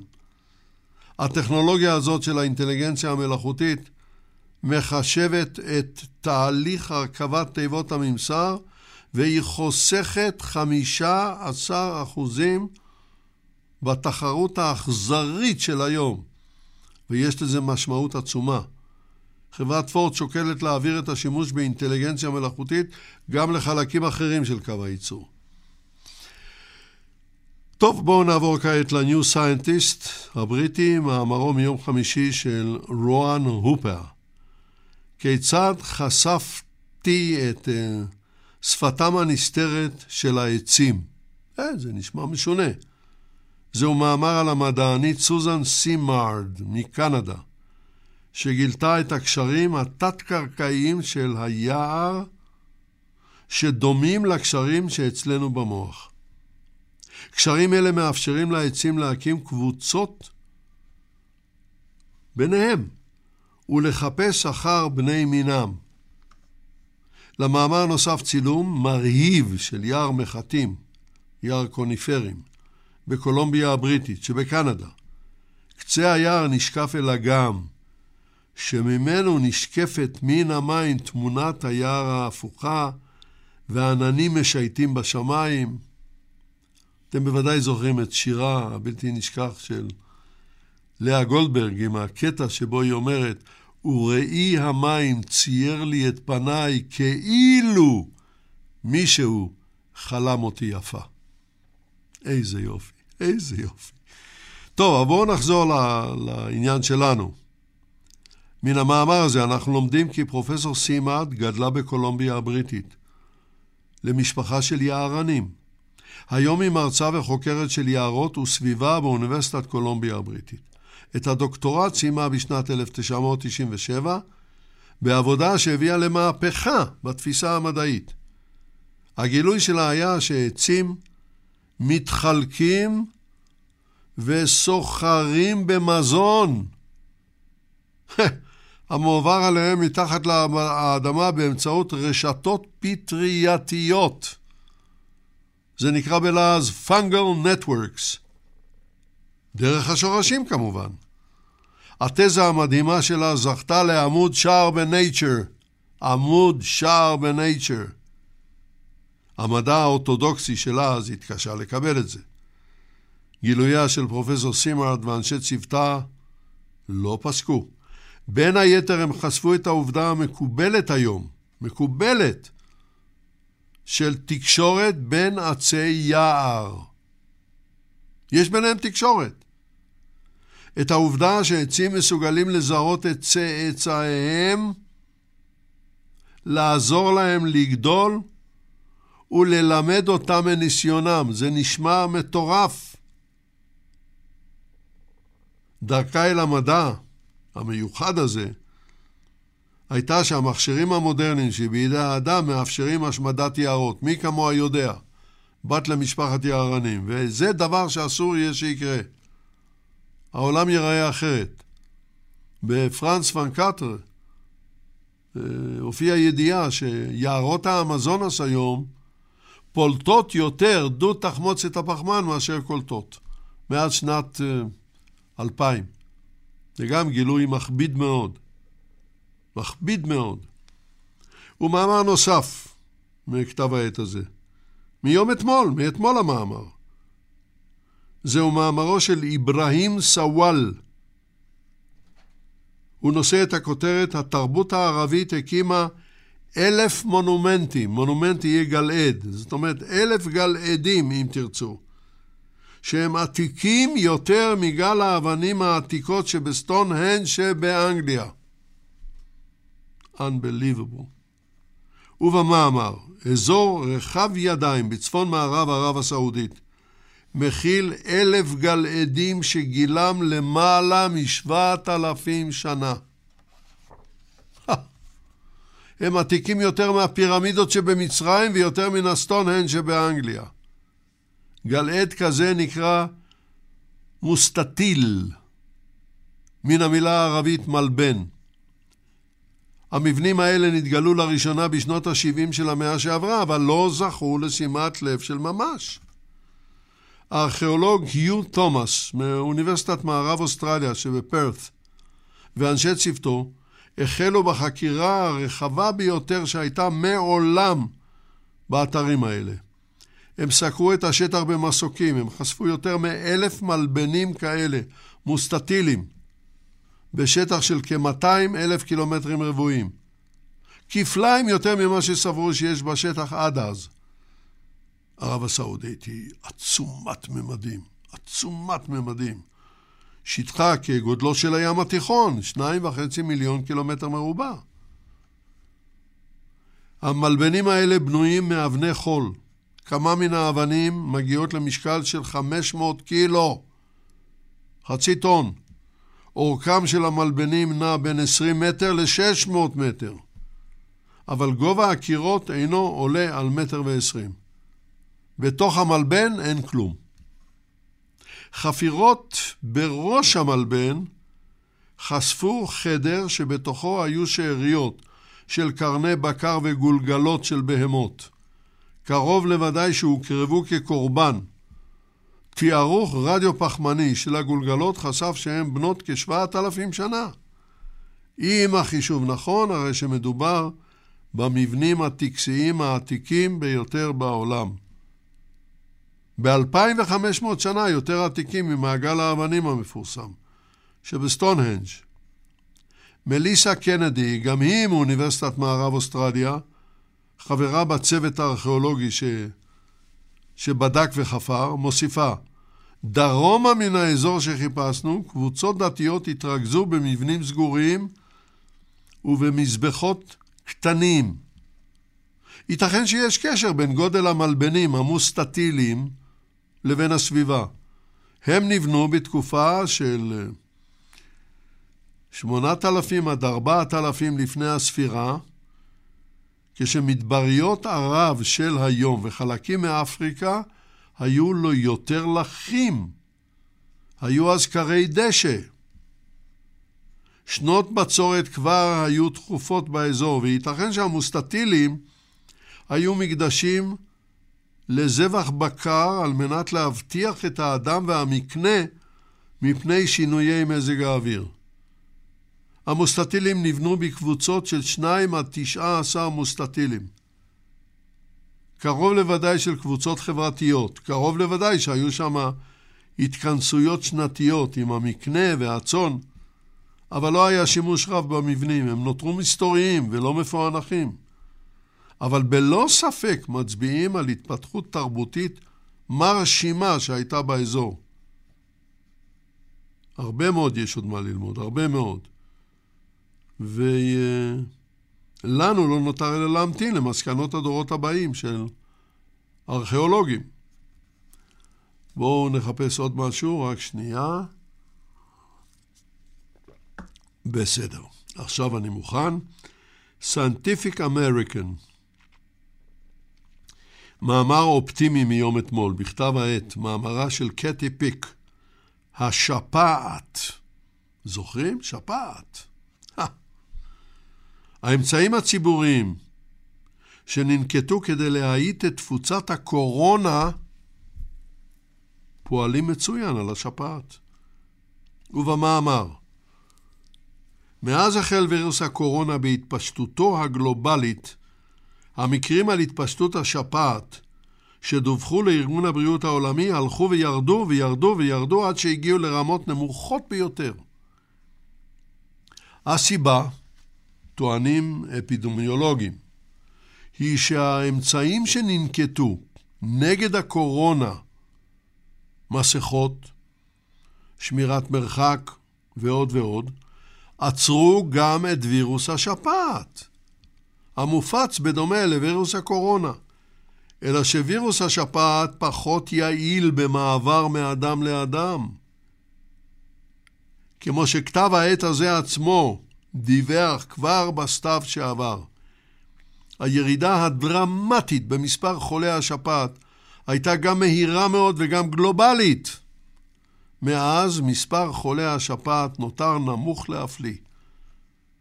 ואומר פרופסור גרג פולנד, חוקר שפעת במאיו קליניק שבארצות הברית, המחלה פשוט לא מסתובבת בציבור. בחורף 2020-2021, החורף שעכשיו סיימנו אותו, תקשיבו לזה, היו בכל ארצות הברית 600 מקרי מוות משפעת. זה הכל. בחורף הקודם נפטרו בארצות הברית משפעת 22 אלף בני אדם, ובחורף שקדם לו 34 אלף בני אדם. ואלה מספרים נורמליים לגמרי למוות משפעת בשנים רגילות. והואיל והחיסונים נגד שפעת מבוססים על הנגיף שפגע באוכלוסייה בחורף הקודם, והואיל ובחורף הקודם, דהיינו 2020-2021, לא היו למעשה נפגעים, מה יהיה החיסון השפעת של השפעת של השנה הבאה? לא יודעים. זאת ועוד, אם נגיף השפעת ימשיך לפעול ברמות כל כך נמוכות במשך עוד כמה שנים, לתינוקות של היום לא תהיה הזדמנות לפתח תגובה מוקדמת שתוטבע במערכת החיסונית שלהם. דבר כזה יכול להיות או טוב או רע. תלוי באילו זנים של וירוס השפעת הם יפגשו במהלך חייהם, התינוקות של היום. כרגע עתידו של וירוס השפעת אינו ברור, אבל אתם לא צריכים לדאוג לו, לווירוס הזה. הוא ישנו והוא יחזור ויעשה צרות. אני חושש מאוד שגם וירוס הקורונה לא הולך להיעלם anytime soon. אין מה לעשות, אנחנו בבעיה. טוב, בואו נעבור כעת ל-MIT Technology Review, מאמרו של פטריק הוול, אוניל, הנושא את הכותרת החברה הקיברנטית הרוסית, ששוויה מיליארד דולר, אשר לדברי וושינגטון, מסייעת לקרמלין לשבש את האינטרנט האמריקני. אה. שלוש נקודות מפתח נוספות למאמר טרם תחילתו. א', ממשל ביידן הטיל סנקציות על שש חברות קיברנטיות רוסיות בשל פעולות סייבר. ב. הסנקציות כוללות את חברת הביטחון המוסקבאית הידועה Positive Technologies, חברה רוסית במוסקבה והיא נקראת Positive Technologies, שזה לא בדיוק רוסית, אבל זה המצב. ג. פקידים אמריקנים רמי דרג אמרו בשיחות פרטיות כי הם מאמינים שחברת Positive Technologies מספקת כלים ותמיכה למודיעין הרוסי ולמאמר. ובכן, ההאקרים, אני אפילו לא יודע איך קוראים להאקרים בעברית. את יודעת איך קוראים להאקרים בעברית? לא. היא מנסה להפעיל את, ה, את הזיכרון. לי לא יכול להיות זיכרון, כי אני לא זוכר שנתקלתי בזה. ההאקרים, אלה שמחבלים באינטרנט, שעושים כל מה שאפשר. אה, של האקרים של פוזיטיב טכנולוגיז, אין כל ספק שהם טובים, טובים מאוד במה שהם עושים. חברת אבטחת המידע הרוסית מפרסמת כשגרה מאמרים מאוד נחשבים בנושא, באנגלית. היא מחפשת פרצות אבטחה במחשבים הכי מתקדמים במערב, וחשפה נקודות חולשה בציוד רשתות, טלפוניה ואלקטרוניקת מכוניות. אבל סוכנויות מודיעין אמריקניות סוברות שהחברה הזאת, שמשרדיה נמצאים כאמור במוסקבה, עושה הרבה יותר מכך. היא הואשמה בסיוע לסוכנויות מודיעין רוסיות המנסות לפגוע בארצות הברית. זאת ועוד, האמריקנים מאמינים שהחברה הרוסית היא חלק מקבוצת חברות רוסיות ופושעים קיברנטיים. התומכים במטרות הגיאופוליטיות של רוסיה ואשר כיום נתפסות באמריקה כאיום ישיר על ביטחונה של ארצות הברית.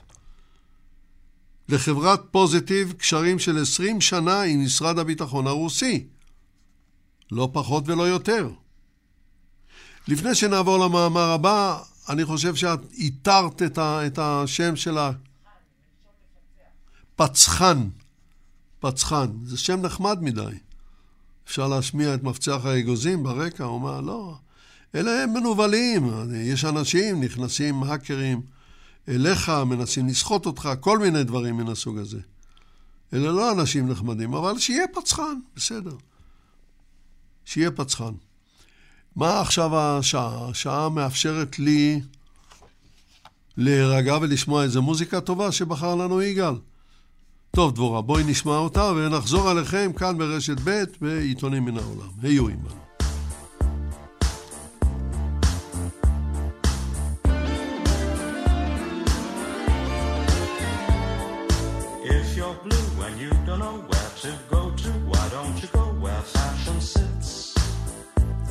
on the Ritz. Different types of everyday coat, pants with stripes and cutaway coat, perfect fits. On the Ritz. Dress up like a million dollar trooper. Trying hard to look like Gary Cooper. Come, let's mix where Rockefellers walk with sticks or umbrellas in their midst. Putting on the Ritz. Have you seen the well-to-do up and down Park Avenue on that famous thoroughfare with their noses in the air? High hats and arrow collars, white socks and lots of dollars, spending every dime for a wonderful time. If you're blue and you don't know where to go to, why don't you go where fashion sits? Putting on the Ritz different types of wear a day coat, pants with stripes and cutaway coat. Putting on the Ritz. Dress up like a million dollar trooper. Trying hard to look like Gary Cooper. Come, let's mix where Rockefellers walk with sticks or umbrellas in their midst. Putting on the Ritz.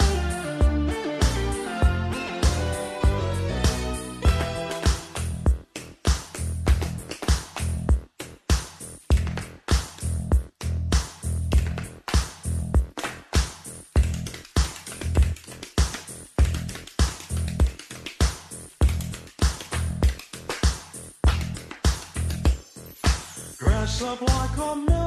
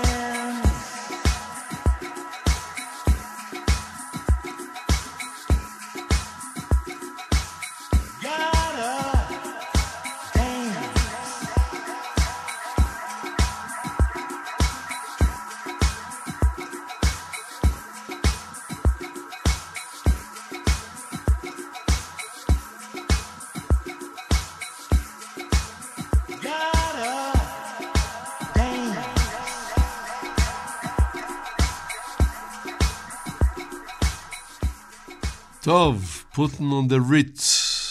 בואו נעבור הלאה ל-National Geographic. ויש לנו כאן מאמר שאני בטוח שחלק מהמאזינים יאהבו נורא. מאמרו של דגלס מיין מיום חמישי, כותרתו המשונה: סוסי פרא וחמורים חופרים בארות במדבר ומספקים, זה מצחיק, ומספקים מים לחיי הטבע. ובכן, לבני אדם יש היסטוריה ארוכה של חפירת בארות, אבל אנחנו לא בעלי החיים היחידים הנוברים באדמה כדי להגיע למים. מחקר חדש מגלה שסוסי פרא וחמורים באמריקה עושים זאת גם. הם משתמשים בפרסות, פרסה, פרסות, לחפור בורות של קרוב לשני מטרים עומק, שני מטרים עומק להגיע למי תהום בעצמם, הם מריחים את המים. אז הם יודעים שיש שם מים, ואז הם חופרים. באופן הזה הם יוצרים נאות מדבר המשמשים את עולם החי, גיריות אמריקניות, דובים שחורים, ציפורים ועוד. סוסים וחמורים ששוחררו אל הטבע באמריקה במהלך הדורות, מצאו להם משכן במקומות דלילי אוכלוסייה במערב האמריקני. הבארות שהם חפרו הפכו לנקודות ריכוז של פעילות חיות בר. הדבר הזה תואר בכתב העת סייאנס. המחקר הראשון בנושא נוהל על ידי דוקטור אריק לנדגרן מאוניברסיטת ארהאוס שבדנמרק. במהלך שלוש עונות קיץ חוקרים הציבו מצלמות בארבע נקודות במדבר, מדבר סונורה, שבמערב אריזונה, ובנקודה אחת במדבר מוג'אבה. מדבר מוג'אבה כנראה שהוגים את זה אחרת, לא משנה. בקרבת העיירה בייקר שבקליפורניה. כל המצלמות הותקנו בערוצי נחלים שבהם זורמים מים בחורף. הם יבשים בקיץ. חמורים הרבו לבקר בארבע מן הנקודות. הנקודות האלה, בקיץ, ולחפור שם בארות, בעוד שסוסי פרא עשו זאת בנקודה החמישית. שני המינים, לאמור חמורים וסוסים, הם חופרי בארות טובים, המסלקים אדמה בפרסותיהם ביעילות רבה ומפנים אותה לאחור, בעיקר בפרסותיהם הקדמיות. המדענים תיעדו 57 מינים של בעלי חיים שהגיעו לבארות כדי לשתות מים. ניצים ובזים וציפורים קטנות. ציפורים קטנות. אה, אה, כבשים, כבשי בר, גיריות, צפרדעים. מצלמות הוצבו גם במקומות שלא היה בהן מים. בנקודות הבארות הייתה פעילות בעלי חיים ב-64% יותר גבוהה מן הנקודות היבשות. מסביב לבארות שנחפרו בידי החמורים החלה גם צמיחה של ערבי נחל. מדענים סבורים כי פעילות שכזאת נעשית על ידי בעלי חיים כאלה בכל מקום שבו מי התהום גבוהים ושבהם קל לחפור, לחפור כי פעילות שכזאת נעשית על ידי בעלי חיים בכל מקום. מדענים צפו בחמורים עושים זאת במדבר. סיירטה דה אלטר, מדרום לנהר הקולורדו.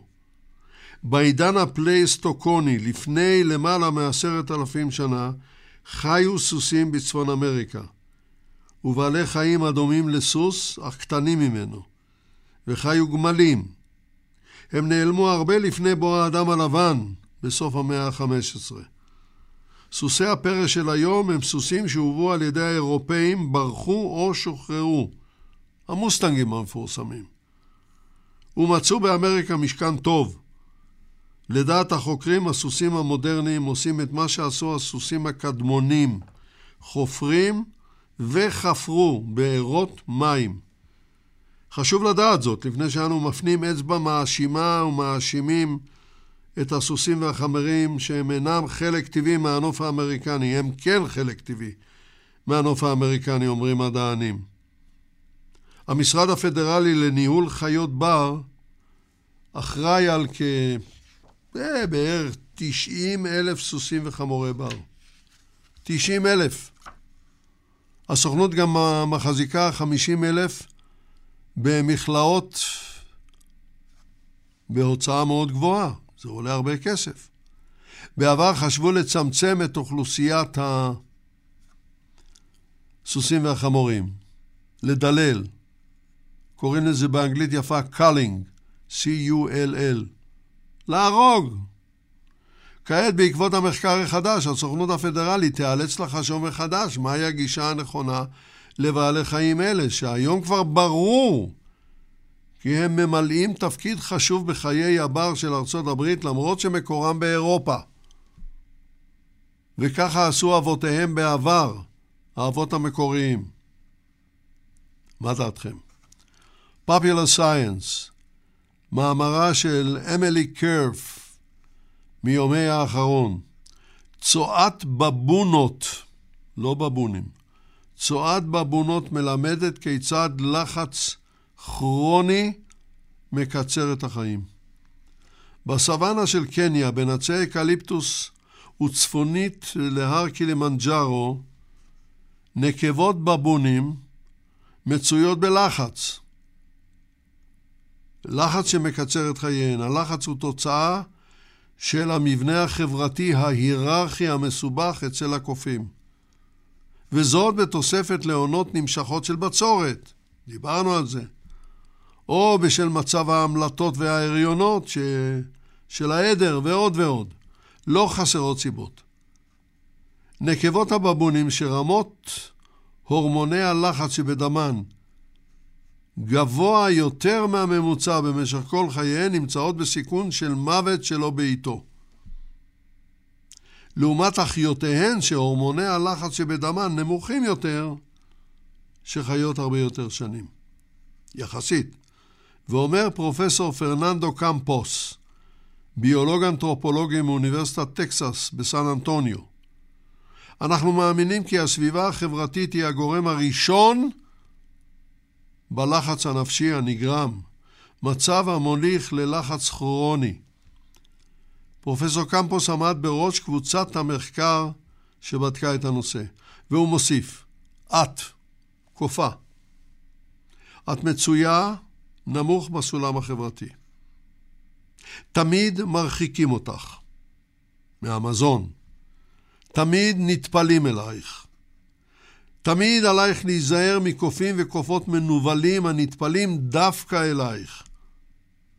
לכל אלה יש תפקיד חשוב בהפיכתך לקופה הסובלת מלחץ כרוני. זה היה חלק מהמחקר הארוך ביותר שנערך מעולם על פרימטים בטבע. הוא נקרא פרויקט הבבונים של אמבוסלי. אמפוסלי, סליחה, אמפוסלי. ובו מדענים עקבו אחר כ-300 קופות בבון מיום לידתן עד יום מותן, תוך כדי בדיקת צואה מתמדת. מידע מן הסוג הזה כבר החל להיאסף מאז שנת 1999. איסוף צואה הוא קל, ואינו מלחיץ את הקופות, כמו בדיקות אחרות. כשבידם תוצאות ארוכות טווח, המדענים הצליחו להוכיח כי נקבות, נקבות בבון עם רמות גבוהות של גלוקו אה, קורטיקואידים, גלוקו-קורטיקואידים.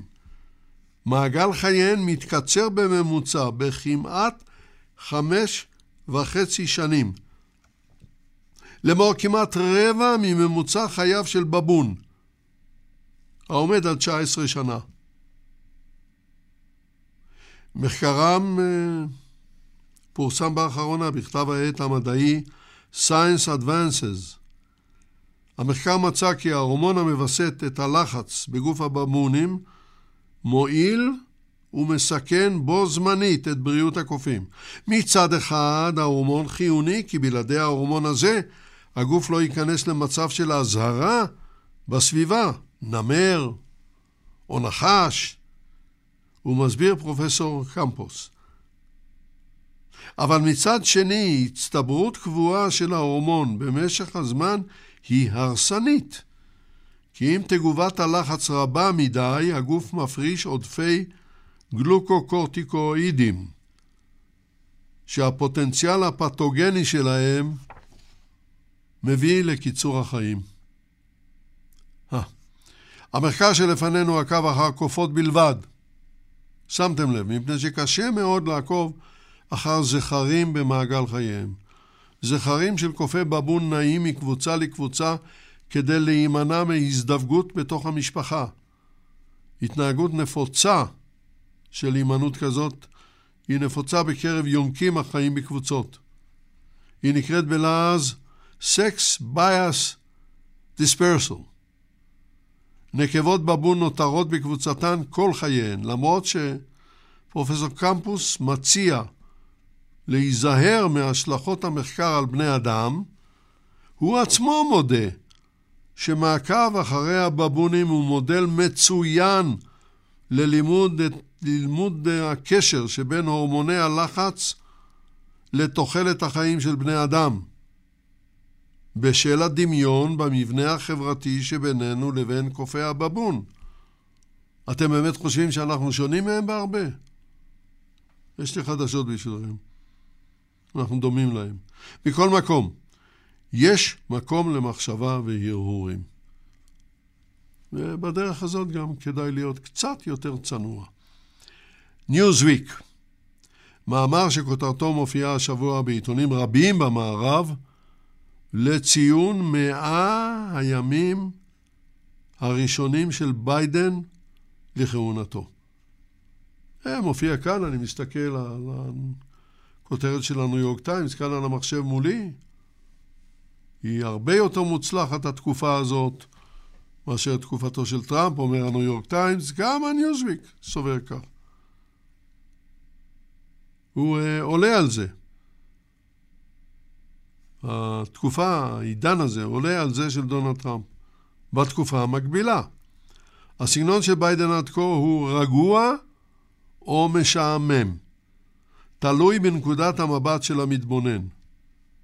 והוא עומד בסתירה לתוכניותיו המדיניות והאחרות מרחיקות הלכת של ביידן. התוכניות הן כמעט מהפכניות, הן מעוררות סערה, מעוררות, אבל הוא נשמע שלו, או כאמור, מי ששונא אותו יגיד הוא משעמם. זהו מאמרו של ג'ייקוב ג'ארוויס מיום אתמול. לדברי מומחים, תפיסתו הפוליטית של ג'ו ביידן פשוטה מאוד, מאוד מאוד פשוטה. להיות אנטי-תזה לדונלד טראמפ. כפוליטיקאי מנוסה, כאישיות ידועה כבר מן הימים שהיה סגנו של ברק אובמה, וכסנטור ותיק לפני כן, ביידן נמכר לציבור כסחורה לנורמליות בבית הלבן. נורמלסי קוראים לזה באנגלית. דמות נשיאותית בעלת טון מוכר מן המרכז הדמוקרטי, המאחד. חלפו הימים של מסרוני טוויטר בשעות הקטנות של הלילה של טראמפ נגד אויבים פוליטיים, או הודעות דרמטיות המזעזעות את אמות הסיפים של הפוליטיקה, בדרך כלל גם לא מדויקות, והתקשורת uh, משתוללת. ביידן מלמד את הדמוקרטיה, את הדמוקרטים, לא את הדמוקרטיה, את הדמוקרטים, המפלגה הדמוקרטית שלו, איך יש לדבר שוב עם המעמד העובד, עם הפועלים, ובשקט שינה את מרוצה של אמריקה במאה הימים הראשונים. ככה חושב העיתון. אפילו נועם חומסקי, הרדיקל הסוציאליסטי הידוע, שנאסרה כניסתו לישראל, כי הוא אוהב ישראל, כפי שאתם מבינים, קטן מאוד. אז אפילו נועם חומסקי אמר בריאיון לעיתון, העיתון השמאלי, Truth Out, הוא, ביידן, יותר טוב ממה שציפיתי. הרבה יותר טוב. הבעיה עם אמירה של נועם חומסקי היא שלעולם אינך יודע אם זוהי ברכה או קללה. זה הסיפור. טוב, בואו נעבור לטיים.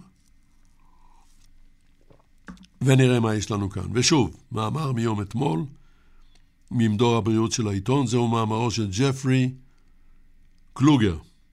ובכן, אף אחד לא האמין שמגפת הקורונה תהיה קלה לילדים.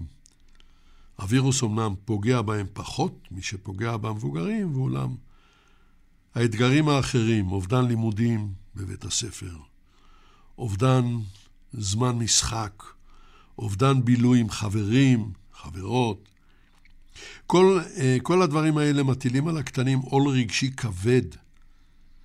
מחקר שהתפרסם ביום, אה, מתי זה היה? ביום חמישי השבוע, בג'אמה. ג'אמה זה Journal of American Medical Association, זה אחד מכתבי העת הרפואיים החשובים בעולם.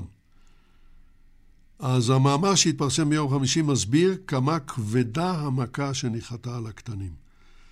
המחקר שנעשה על ידי הפסיכולוגית טלי רביב מהאוניבר... מהאוניברסיטה הצפון-מערבית, אני מניח שהיא או ישראלית או בת של יורדים ישראלים, טלי רביב. המחקר שלה ערב תחקיר של יותר מ-32 אלף מטפלים ומטפלות בילדים ונערים, ילדות ונערות, שהם בטלים מלימודים מגילאי הגן, הם, הגילאים שלהם הם מגילאי הגן ועד לכיתה העליונה בבית הספר התיכון. המחקר נעשה במערכת החינוך הציבורי של העיר שיקגו. הנוסח מטפל או מטפלת רחב מאוד באנגלית. באנגלית זה, אנגלית אמריקנית לפחות, זה נקרא caregiver. caregiver. והוא כולל הורים, אבא, אימא, סבים וסבתות, למעשה כל מבוגר אחר ששומר עליהם. כשאחרים יוצאים לעבודה והם בבית ולא הולכים לבית ספר. המעקב מעיד במפורש על ליקויי התנהגות קשים מאוד בקרב הקבוצה הנבדקת. הוא מעיד על דיכאונות, על תחושת אה, אובדנות ועל תופעות נוירוטיות אחרות. הוא מאמר חשוב. בואו נראה עכשיו מה יש לנו בדר שפיגל. מאמרם של שישה כתבים של השבועון, בהם שטפן לודקה ועמנואל פרוידנטל, שכותרתו המטרידה, באמת כותרת מטרידה מאוד, כיצד פרונטקס עוזרת להחזיר מהגרים אל מחנות העינויים בלוב. ותת הכותרת מסבירה, פליטים נעצרים, מעונים ונהרגים במחנות בלוב. תחקירים של השבועון חושפים את שיתוף הפעולה הקרוב שבין סוכנות הגבולות של האיחוד האירופי, שמה פרונטקס, ובין משמר החופים של לוב. המאמר נפתח בסיפורו של אלק מוסא, הסודני, שם בדוי. הוא צריך להגן על עצמו. אלק מוסא יצא בסוף יוני 2020 עם עוד 69 סודנים בסירה מתנפחת בלילה מן העיר הלובית גרבולי אל האי למפדוזה שבאיטליה. הפליטים ביקשו להתחמק מן הזוועות המצפות להם בלוב, ששם המיליציה תופסת את המהגרים, קולעת אותם, מענה אותם, ולעיתים קרובות גם רוצחת. הנתיב הימי במרכז הים התיכון הוא היום אחד המסוכנים ביותר בעולם למהגרים. מאה מהם מתו בשבוע שעבר בניסיון להגיע לאירופה. ואז האומללים האלה ראו מטוס באוויר. הוא היה קרוב לוודאי, הם לא יודו בזה, אבל זה היה קרוב לוודאי, מטוס של סוכנות פרונטקס. הוא טס מסביב לסירה. הוא לא דיווח לסוכנויות הצלה או גורמים שכאלה שכבר לא פועלים. אבל אחרי איזה זמן הופיע משמר החופים הלובי. הפליטים היו בפאניקה אבל שום דבר לא עזר. הם הוחזרו ללוב. ב-2019 המדינות החברות באיחוד האירופי חדלו לחלוטין ממבצעי ההצלה הימית שלהם. במקום זאת הם משגרים את משמר החופים הלובי להחזירם לאפריקה. כבר ב-2012, בית הדין האירופאי לזכויות אדם קבע כי אין להחזיר פליטים ללוב, שכן שם הם חשופים לעינויים ולמוות. אבל זה בדיוק מה שהלובים עושים לפליטים. וזאת בדיוק העזרה שהם מקבלים מהאירופאים. בשנה שעברה הם עשו זאת לכמעט 12 אלף פליטים. צדק צדק תרדוף. העיקר מטיפים מוסר לכולם. אה. טוב, מה לעשות? יש לנו עוד כמה דקות, דבורה, נכון? אז בואו נראה מה יש לנו בלמונד. למונד. אנו עדיין בים התיכון, אבל הפעם יש לנו חדשות טובות. ובכן, אוניות הטיולים מתחילות לשוב לים התיכון כבר היום, היום, היום, 1 במאי, היום האדום. הם יבקרו במספר מוגבל של מדינות לחופי הים, כשהתנאים הסניטריים לנושא האוניות יהיו חמורים, הם כבר היום חמורים ביותר. צרפת מקבלת בברכה את שוב האוניות, למעשה היא כבר, אתמול, פתחה את שעריה בפניה. בפני האוניות, בפני התיירים, הם צריכים כסף. אבל יש הגבלות. אני את... אתן לכם דוגמה להגבלה סמלית למדי. ובכן, באוניית הטיולים הזאת, ששם יש הכל, מה שאתם רוצים, אוכל, ריקודים, בילויים, רומנסים, אסור לאישה, בדרך כלל אישה קשישה, לרקוד עם גבר רווק צעיר מצוות האונייה. מה שמלמד אותנו שבימים כתיקונם הם היו מספקים גברים צעירים, אני לא אומר ג'יגולוז, אני נזהר, אבל גברים נחמדים שאפשר להישען עליהם, ולא על הבעל המסמורטט שיושב שם ולא יכול לזוז, עם הבטן הגדולה שלו. אבל היא יכולה לרקוד רק עם בני משפחתה. מה לעשות? מה לעשות? בואו נראה, לפואה, ידיעה נוספת בקצרה מימי סיום הסגר של ימי הקורונה. ובכן, בתי הקולנוע בצרפת נפתחים ואומרים מפיצי הסרטים, אנחנו הולכים לאכול אחד את השני. ומדוע? כי מתחיל מרוץ מזוהם בלא תקדים בין בתי הקולנוע בתחרות על בחירת כ-400 סרטים שלא הוקרנו כשנה בגלל הקורונה. הקולנוע בחודשים הקרובים יהיה מקום מאוד מאוד מבוקש, כי זאת תהיה צורת שחרור מסוימת מסגר הקורונה. ומדובר בהרבה מאוד כסף.